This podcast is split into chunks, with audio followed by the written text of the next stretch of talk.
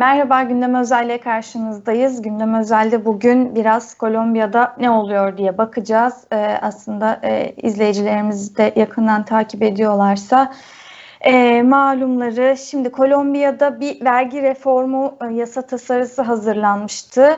Ancak e, halk tarafından bu e, yasa tasarısına m, tepki gösterildi, büyük tepkiler gösterildi, e, büyük eylemler oldu e, ve hatta bu eylemler sonucu e, vergi reformu yasa tasarısı meclisten geri çekildi. Ancak e, halkın öfkesi dinmiyor, eylemler devam ediyor. Sadece eylemler değil, grevler de oldu. E, hem biraz ne oluyor ne bitiyor, hem bu işin aslı astarı nedir, ne değildir, vatandaş ne istiyor e, gibi e, sorularımız var ve bunları Evrensel Gazetesi yazarı Ertan Erol'a soracağız. Ertan Bey merhaba, hoş geldiniz. Merhabalar. E, en baştan başlayalım. Kolombiya'da ne oluyor, ne oldu?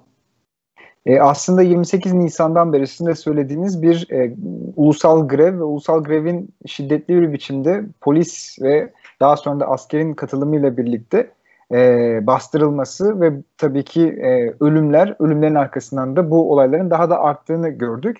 28 Nisan'dan e, bugüne kadar aslında bu eylemsellik devam etti. E, tabii sizin de başta söylediğiniz gibi e, bu eylemlerin ortaya çıkışındaki belki en temel motivasyon e, KDV'nin yani katma değer vergisinin e, önemli ölçüde arttırılmasıydı. E, bu tabii ki Kolombiya'nın mevcut ekonomik durumuyla çok alakalı, çok ilintili. E, Kolombiya e, büyük bir ekonomik krizle karşı karşıya. E, Covid-19 salgınıyla derinleşen bir ekonomik krizle karşı karşıya, bir borçlanma problemiyle karşı karşıya. Devlet tahvillerinin önemli ölçüde e, değersizleştiğini görüyoruz bu süreçte ve tabii ki bütçeyi e, belirli bir şekilde e, ve tabii ki salgının da etkisiyle e, bütçeyi e, toparlamak için e, ortaya atılan Ivan Duque hükümet tarafından atılan bir e, bir adım bir anda böyle bir e, patlamaya toplumsal patlamaya sebebiyet verdi. E, yani e, bu e, olayın aslında biraz da geri planını hani düşünürsek e, çünkü Kolombiya bizim karşımıza toplumsal hareketliliğin ya da sosyal olayların e, Latin Amerika'daki diğer ülkeler ile karşılaştırıldığında görece olarak biraz daha geri planda olduğu bir ülke. Yani işte Kolombiya siyasetinin de yıllarca süren 50-60 senedir süren e, bir işte fark ve daha sonra ELN gibi işte birçok gerilla hareketinin de e, vermiş olduğu bir e, ak, aksı var, bir ekseni var. O da liberal ve muhafazakarlar arasında giden bir Kolombiya siyaseti var ve bu açıdan da böyle çok sosyal toplumsal patlamaların olmadığı bir ülke olarak karşımıza çıkıyor Kolombiya ama e, bu, bunu e, tabii ki Duque hükümetinin e, 2019'da e, 21 Kasım'da e, ki e, grev e, hareketiyle e, aslında değiştirdiğini söylememiz mümkün. Yani Duque hükümetine karşı büyük bir toplumsal hareketlilik ortaya çıkmıştı 21 Kasım'da ve 21 Kasım'dan bugüne kadar geçen süreci de bir e, meşruiyet erimesi olarak görebiliriz Duque hükümeti açısından. Tabii ki Duque hükümeti aynı zamanda Kolombiya'da muhafazakar sağ e, siyasetin e, en temel temsilcisi olan Urubeciliği aslında e, temsil ediyor bizim e, görüşümüze göre. E, ve bu açıdan bakıldığında tabii ki e, çok sürpriz de değil. Yani 21 Kasım 2019'da başlayan sürecin bir devamı olarak belki değerlendirebiliriz. Ve bu süreç içerisinde Duque hükümetinin büyük bir meşruiyet kaybetmesi e, ve o erime sürecine girmesi, salgınla birlikte de salgının mevcut çelişkileri daha böyle bir ortaya çıkarır hale getirmesi ve tabii ki e, aynı zamanda da ekonomik krizin derinleşmesi. Çünkü Kolombiya e, bölgede ve dünyada aslında e, en e, gel, şeyin ne diyelim e, ekonomik e, ilişkilerin en e, asimetrik olduğu ülkelerden biri. Yani e, Latin Amerika'da belki Brezilya'dan sonra en e, fakirliğin, informal sektörün e, hakim olduğu ülke. Aslında o sürecin e, bir, bir yansıması olarak görmek lazım. Salgın da bunun üzerine bir e, ne diyelim e, daha da bu informal sektörleri toplumun e, daha e, zorluk çeken yoksul kesimlerin daha da yoksullaştırdığı için büyük bir e, toplumsal e, harekete e, yol verdiğini söyleyebiliriz. Evet. E, şöyle soralım yani şimdi e, birincisi eylemlere katılan ların sayısı e, ne kadar? Yani e, fa- fazla. Ama ne kadar? Bir ikincisi hani e, tüm halk tepki gösterdi işte sokaklarda oldu e, ama biraz böyle e, örgütlülük görüyor muyuz? Yani kim bu sokağa çıkan? Hakikaten bütün halk sokağa döküldü mü? Yoksa belirli e, örgütlenmeler var ve e, onların çağrısıyla onların etrafında mı oldu bu sokağa çıkışlar? Şimdi şöyle söyleyebiliriz. E, mesela 21 Kasım'da 21 Kasım 2019'da sokağa çıkanların çoğunluğu öğrenciydi ve gençlerdi. Evet sendikalar da mevcuttu ama o ana kitleyi öğrenciler, üniversite öğrencileri oluşturuyordu. Şimdi aslında bu hani çok e, yorumlarda da karşımıza çıkan bir şey. Yani benim karşılaştığım bir şey. E, Kolombiya tarihinde e, görülmemiş bir eylem yapan özelliği aslında e, bu olayları 28 Nisan'dan beri süre gelen bir haftadır, bir haftaya aşkın bir zamandır süre gelen olayları tarihi yapan şeylerden birisi ise sadece öğrencilerin merkezinde olmadığı, aynı zamanda köylülerin, aynı zamanda işçilerin, e, işçi sendikalarının e, ve ülkenin tamamına yayılmış bir biçimde sokağa çıkması. Yani e, normalde gene aynı örneği vermek gerekirse 21 Kasım'da belki büyük şehirlerde Bogota'da, Medellin'de, Cali'de gördüğümüz bu eylemsellik şimdi artık ülkenin en ücra köşelerine, en ufak e, bölgelerine kadar yayılmış durumda. Tabi burada e, hani e, belki konuşma fırsatı buluruz ama hani onu şunu söylemek gerekir. E, burada bu ekonomik krizi derinleştiren başka unsurların da e, etkisini etkisinin olduğunu söyleyebiliriz. Yani Kolombiya 2016'dan beri bir barış sürecindeydi biliyorsunuz ve Urubecilik bu barış sürecini sabote etmek gibi bir politik programa sahipti. Ve bu e, sabot Duque, Ivan Duque seçildikten sonra da e, tabii ki bunu e, bunun plana bu planı uygulamaya koydu ve sabote etti birçok şekilde. Bu e, kırda da önemli bir ikinci dalga göç yarattı. Çünkü 60'lara 70'lere baktığımız zaman bu gerilla savaşlarıyla birlikte kırdan kente büyük bir göç görüyoruz Kolombiya'da. Şimdi neredeyse ona benzer bir biçimde hem aktivistlerin hem işte ekoloji hareketinde olanların hem eve dönen fark mensuplarının böyle öldürülmesi bir ne diyelim siyasi e, bir suikastler dizisinin olması ikinci bir hatta katliamlar olması ikinci bir dalgayı da yarattı. E bu insanlar da kente girip gene informal sektörlere dahil oldular. Yani şimdi baktığımız zaman ilk defa belki hani kamyonlarla e, işte köylülerin kente geldiğini görüyoruz gösterilere katılmak için e, bazı yerli e, topluluklarının. Yani e, belki de hani çok sık karşılaştığımız bu şeye referans vermek e, mümkün, önemli. O da e, toplumun tamamına yayılmış. E, tabii urbecileri çıkartıyoruz buradan. E, ama toplumun birçok kesimine yayılmış. Hem işçileri hem orta sınıfları hem e, öğrencileri, gençleri hem de e, köylüleri sokağa çıktığını söyleyebiliriz. Evet, Şimdi e, aslında girişte de söylediğimiz gibi bir geri adım diyebileceğimiz çeşitli kararlar oldu. Bir kere zaten yasa tasarısı meclisten çekildi. Ancak eylemler sönümlenmedi. E, ve, işte üstelik kalabalığı da e, artarak devam ediyor. Ölümler yaşandı. Çok sayıda yaralı var. Gözaltılar var çok sayıda. Şimdi bunlar bir yana birincisi neden sönümlenmedi sizce eylemler? Yani yasa tasarısı geri çekildi. Bu neden yeterli olmadı halk için? E, bir ikincisi belki şöyle e, tam olarak yani talepler ne? Hani böyle madde madde bize sayar mısınız onları? Yani Hazine Bakanı da görevden alındı. Bu da yetmedi. E, aslında e, şunu söyleyebiliriz belki. E, bu mevzunun sadece ekonomik tarafını oluşturmuyor. Yani evet bir ekonomik talep var. Onu kesinlikle altını çizmemiz lazım. E, ama bu ekonomik talep işte KDV vergilerinin, katma değer vergilerinin tekrar düşürülmesi e, gibi değil. Yani buna buna kısıtlamak mümkün değil. Mevcut ekonomik yapıya yani Latin Amerika'nın ve dünyanın en eşitsiz ülkelerinden biri olmasına karşı bir tepki var.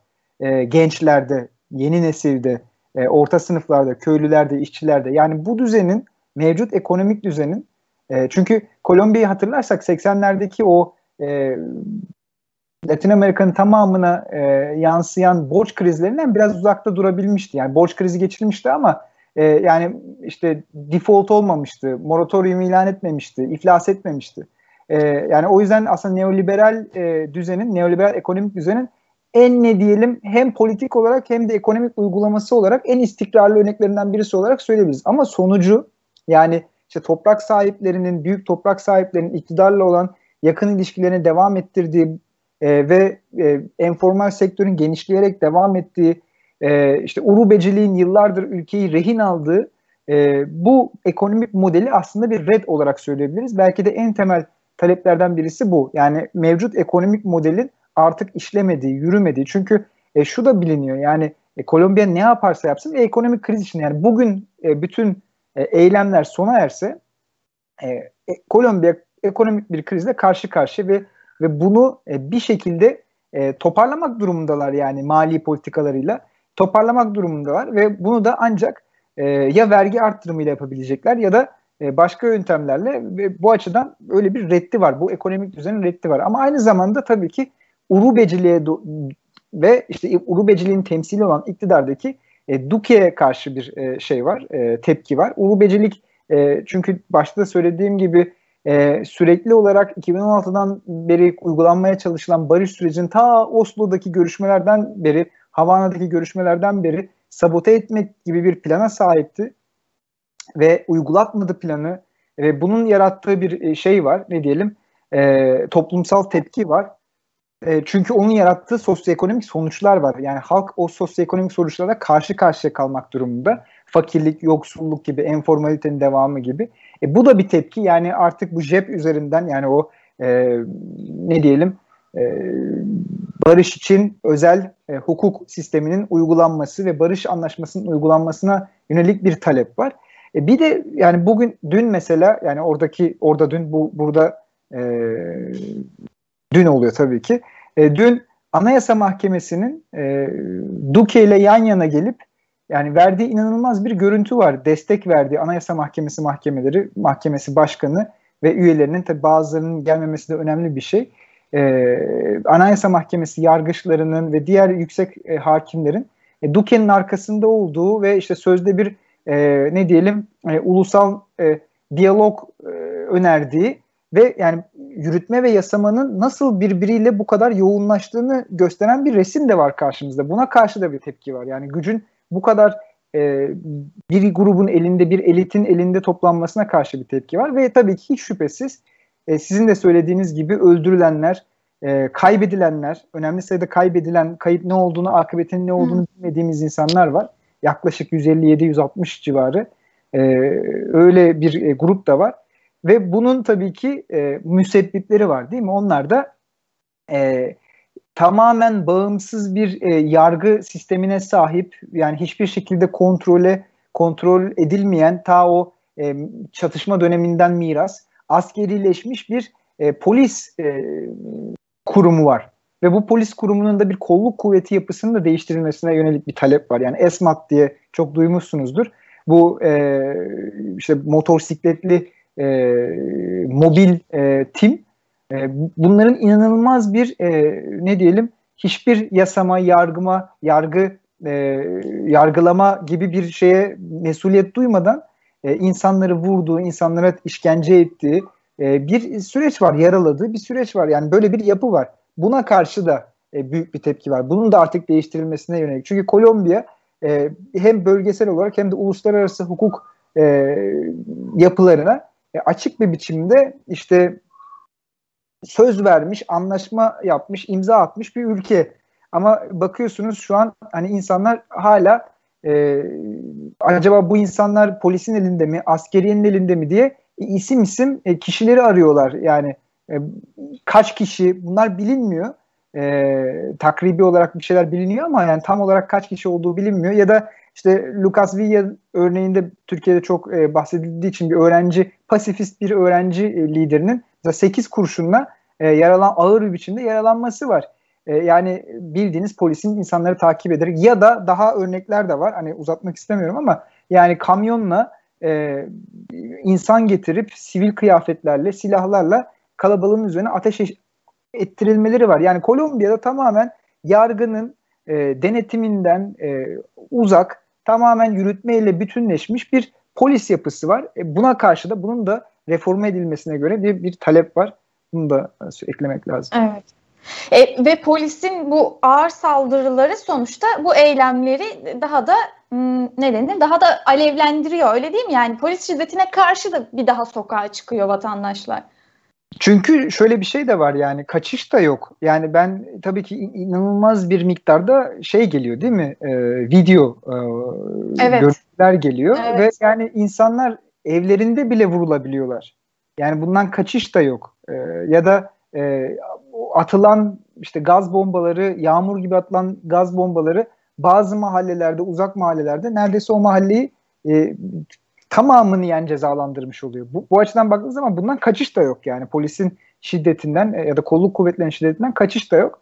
O yüzden e, kaçış olarak ya da e, ne diyelim çare olarak buna bir direniş e, gerçekleştiriyor insanlar. Mesela sayı artmış oluyor. Durdurmaya çalışmaları aslında sayı sayıyı daha da arttırmış oluyor ki bunu biraz kavradıklarını da söyleyebiliriz. Çünkü ben hani, e, hani takip ettiğim e, listelemelere göre işte insan hakları kuruluşlarının falan en çok e, insanın kaybolduğu, en çok yaralanmaların olduğu 28 ve 29 Nisan günleri. Yani ondan sonraki de devam ediyor ama ilk günler aslında bastırmaya yönelik bir e, kolluk kuvveti hücumunu görüyoruz ama ondan sonra biraz onun e, kademesinin azaltıldığını görüyoruz ama bu şey demek değil tabii ki. Gene öldürmeler, gene e, kaçırmalar, işkenceler devam ediyor tabii ki. Evet. Peki şimdi aslında tam e, hatırlattığınız yerden şöyle soralım mı? Evet çok fazla video var. Yani çok fazla paylaşım var ve dünyaya sesini duyurmayı isteyen e, eylemciler var sonuçta ortada. E, ve işte çok fazla haber bilgi akışı da var. Tüm bunlar görülüyor, duyuluyor e, ve uluslararası cephede tüm bunlar ne, neye yol açıyor? Yani uluslararası cephede nasıl tartışılıyor bu sizin takip edebildiğiniz kadarıyla? aslında pek tartışılmıyor diyebiliriz yani. Ya. Sadece sosyal medyada tartışılıyor. Yani insanlar e, Michel Bachelet'e işte tweet atıyorlar ya da işte e, Amerikan örgütleri de Amerikan Devletleri Örgütü başkanına işte mesaj atmaya çalışıyorlar ama çok da aslında böyle büyük bir ben rast gelemedim şimdiye kadar Kolombiya'ya karşı hükümeti uyaran. E, tabii ki burada hükümetin olayları nasıl yansıttığını da unutmamak lazım. Yani e, mesela bir rakam gördüm 600 tane polis yaralandı diye e, işte bir haber var yani hmm. 600 polisin yani muhakkak polis yaralanmıştı da 600 polis yaralanması e, tamamen afaki bir şey. Yani e, hükümet şöyle bir şey söylüyor. Onu hiç unutmamamız lazım. E, bu eylemler Castro Chavistler tarafından yani e, Maduro ve işte Küba yani çok komik tabii ki ama yani temelde Maduro. Maduro'nun ve Maduro'nun şer ekseni tarafından e, ortaya atılan ya da ne diyelim e, motive edilen bir e, eylem. E, bunu şey çok güzel söyledi. Lenin Moreno, e, Ekvador'un başkanı e, çok güzel söyledi. Bu dedi kesinlikle Maduro'nun e, işidir diye. Yani tabii hükümet sürekli olarak oraya işaret ediyor değil mi? Bu Castro Chavislerin dışarıdan bizi demobilize etmeye çalıştığı e, bir eylemdir ve vandallardır, teröristlerdir. Teröristler lafını da kullandılar. E, yani şimdi bu böyle olunca tabii ki bu bir iç meselesi. Ama belki şunu hatırlamak lazım. Duque rejiminin e, yeni e, Amerikan e, idaresinin tepkisini çekmemek istediğini kesinlikle altını çizmemiz lazım. E çünkü Amerika artık Trump Amerikası değil yani Amerika'nın farklı bir e, Biden idaresinin farklı bir bakış açısı var. O bakış açısı olumlu anlamda demiyorum. Fakat Biden'ın e, yani Trump açısından Latin Amerika e, mevcut değildi. Öyle bir e, politikası yoktu Trump'ın. Yani sözümü dinlesinler, Çin'i e, çok fazla e, dahil etmesinler yeterdi. Yani telefonla konuşuyordu. Bir, bir tutarlı bir politikası yoktu Trump'ın. Biden'ın e, negatif olarak bile görebileceğimiz tutarlı bir politikası var Latin Amerika'da. E, ve o, o politika aslında e, Kolombiya'da bazı değişiklikleri de beraberinde getirmişti. Duque rejimi çünkü ekonomik olarak çok büyük sıkıntıda ve Amerika'yı e, kesinlikle e, göz ardı edemez. E, ama Amerika'dan da doğrudan bir tepki geldiğini söyleyemeyiz. Mesela El Salvador'a tepki geldi, geldi. Kamala Harris e, El Salvador'daki e, işte e, yasamaya, yürütmenin yasamaya ve yargıçlara yönelik e, atama kararlarını Kamala Harris açıkça şey yaptı. E, doğru olmadığını belirtti ama Kolombiya'ya doğru ben bölge dışında e, ABD'den ya da Avrupa Birliği'nden ya da işte diğer uluslararası örgütlerden e, çok büyük bir tepki geldiğini görmedim. Sadece Amerikan Devletleri Örgütü'nün e, işte her iki tarafa da işte diyalog çağrısı yaptığı e, ve tabii ki vandallığın vandallığa daha çok referans verdi. Onun altını çizdi. Bir bir açıklaması vardı. E, onun dışında pek bir e, tepki olduğunu da görmedim. Evet. Peki şimdi girişte biraz bahsetmiştik ama e, açmanızı isteyeceğim. E, şimdi grevler de var demiştik. Sendikalar da aslında dahil oldular bu sürece. E, eylemlere de katılıyorlar diye izliyoruz. E, peki ciddi bir iş bırakma var mı? Böyle buradan bir baskı var mı? Ciddi bir baskı? Var. Mesela ama tabii bölgeler arasında değişen bir bir baskı var. E, mesela Kali'de e, ekonomik yaşantının durduğunu söyleyebiliriz. Kali e, zaten en çok e, ölüyü veren, en çok kişinin hayatını kaybettiği kent. E, üçüncü büyük kenti biliyorsunuz Kolombiya'nın. E, ve Cali'de e, şu an şey sıkıntısı var. Yani yiyecek, içecek, e, gıda sıkıntıları baş göstermiş durumda. E, ve hatta işte e, kentler arasındaki bazı ulaşım aksaklıkları ya da problemler e, Cali'de ciddi anlamda bir sıkıntının var olduğunu söylüyor. Yani şunu söyleyebiliriz. Evet e, bölgeler arasında farklılık var. Ama Kali başta olmak üzere birçok yerde de e, ekonomik faaliyetin önemli ölçüde e, sekteye uğradığını söylememiz mümkün. Yani benim gördüğüm işte e, satılamayan sütler ya da işte nakledilemeyen e, gıda, tarımsal ürünler gibi belli başlı problemler mevcut. Evet. Şimdi e, özellikle sosyal medyada tabii yani Türkiye'den bu konuyu tartışırken e, çeşitli aslında böyle tersten sorular ya da tersten tartışmalar da oluyor. E, bir tanesini sormak istiyorum. Şöyle yorumlar da var. Ya işte fark silah bıraktı, işte şehre indi, silahlı mücadeleyi bıraktı ve Kolombiya işte bu durumda. E, siz bu konuda ne düşünüyorsunuz? Ben bunun e, tabii hani uzmanı değilim ama e, şunu söyleyebilirim. Yani çok doğru olmadığını düşünüyorum. Çünkü e, şunu söyleyebiliriz. Yani farkla olan barış anlaşması e, biliyorsunuz referandumda reddedilmişti. E, yani fark e, Kolombiya'da öyle e, çok da tabanı olan, e, çok da sevilen bir örgüt değil. E, yani belediye seçimleri oldu bilmiyorum hatırlar mısınız? Ben tam yılını hatırlamıyorum ama yani fark bir belde kazandı. Yani e, işte farkın e, barış sürecine girmesini gerektiren bazı koşullar vardı. Yani fark zaten o barış sürecine girmek durumundaydı. E, yani o ayrı bir tartışma konusu olur, uzun bir konu olur. E, neden fark barışmak zorundaydı, neden barış anlaşması imzalamak zorundaydı diye. E, ama e, yani farkın zaten işte kentlerde ya da e, işte büyük e, yerleşim birimlerinde e, bir kontrolü yoktu ki. Yani bunun e, sadece şunu söyleyebiliriz, onun altını çizebiliriz. E, farkla yapılan barış anlaşmasının uygulanmamasının e, Kolombiya'daki mevcut sosyoekonomik duruma önemli sonuçları var. O önemli sonuçlarda işte e, yoksulluğun artması, fakirliğin artması, etc. etc. Yani e, farkın bırakmasıyla bir il, ilgisi yok bu olayların. Ama şöyle bir ilgisi var. O da yani farkın silah bırakmasıyla ilgisi yok ama şöyle bir ilgisi var. E, farkın farkla olan barışın, barış anlaşmasının uygulanmamasının ve uygulanmadıktan sonra da Duque rejiminin kırda uyguladığı katliamların işte e, ne diyelim her türlü aktiviste karşı takip ettiği politikaların işte katliam politikalarının e, yarattığı sonuçlar var. Bu sonuçların da çok önemli ekonomik, sosyoekonomik problemlerle e, dönüştüğünü görüyoruz ve mevcut ekonomik durumu yoksulluğu daha da arttırdığını söyleyebiliriz. Bu açıdan bir tepki var. Ve tabii ki bu tepkileri de urubeciliğe olan tepkiden çok da ayrıştırmamak lazım. Yani urubeciliğe karşı bir tepki var. Urube'ye karşı ve Urube'nin e, bu ne diyeyim tekrar aynı şeyi söyleyeceğim ama Kolombiya siyasetini yıllardır rehin almasına yönelik bir tepki var. Evet. Yani mesela bugün Duque'nin Duque'nin aldığı kararlar Duque'nin aldığı kararlar olarak görülmüyor. Yani Duque zaten bir e, kukla olarak görülüyor. O yüzden de hiçbir meşruiyeti yok zaten e, şeyin e, hükümetin. Evet. Peki bu süreç nereye gider? E, bu süreç aslında yani tabii ki bilmek mümkün değil. E, çok korkunç bir süreç. Umarım en kısa zamanda çözümlenir. Ama yani şöyle bir e, ihtimal var. Yani e, bu Duque tarafından ve işte Anayasa Mahkemesi Başkanı tarafından ses demin de söyledim bir ulusal diyalog e, ga dönüşme e, şeyi var. E, öyle bir talep var en azından dillendirilen. Yani e, gelin görüşelim, konuşalım, çatışmayalım tarzında. Bu çok gerçekçi bir şey değil tabii ki. E, ama daha da kötü bir e, opsiyon var ki o opsiyon konuşulmaya başlandı. Kolombiya kanunlarına göre konvosyon interior diye bir bir kanun var. Bir olağanüstü hal gibi diyelim buna. E, çünkü Kolombiya seçimlere gidecek 2022'de. E, başkanlık seçimlerine gidecek.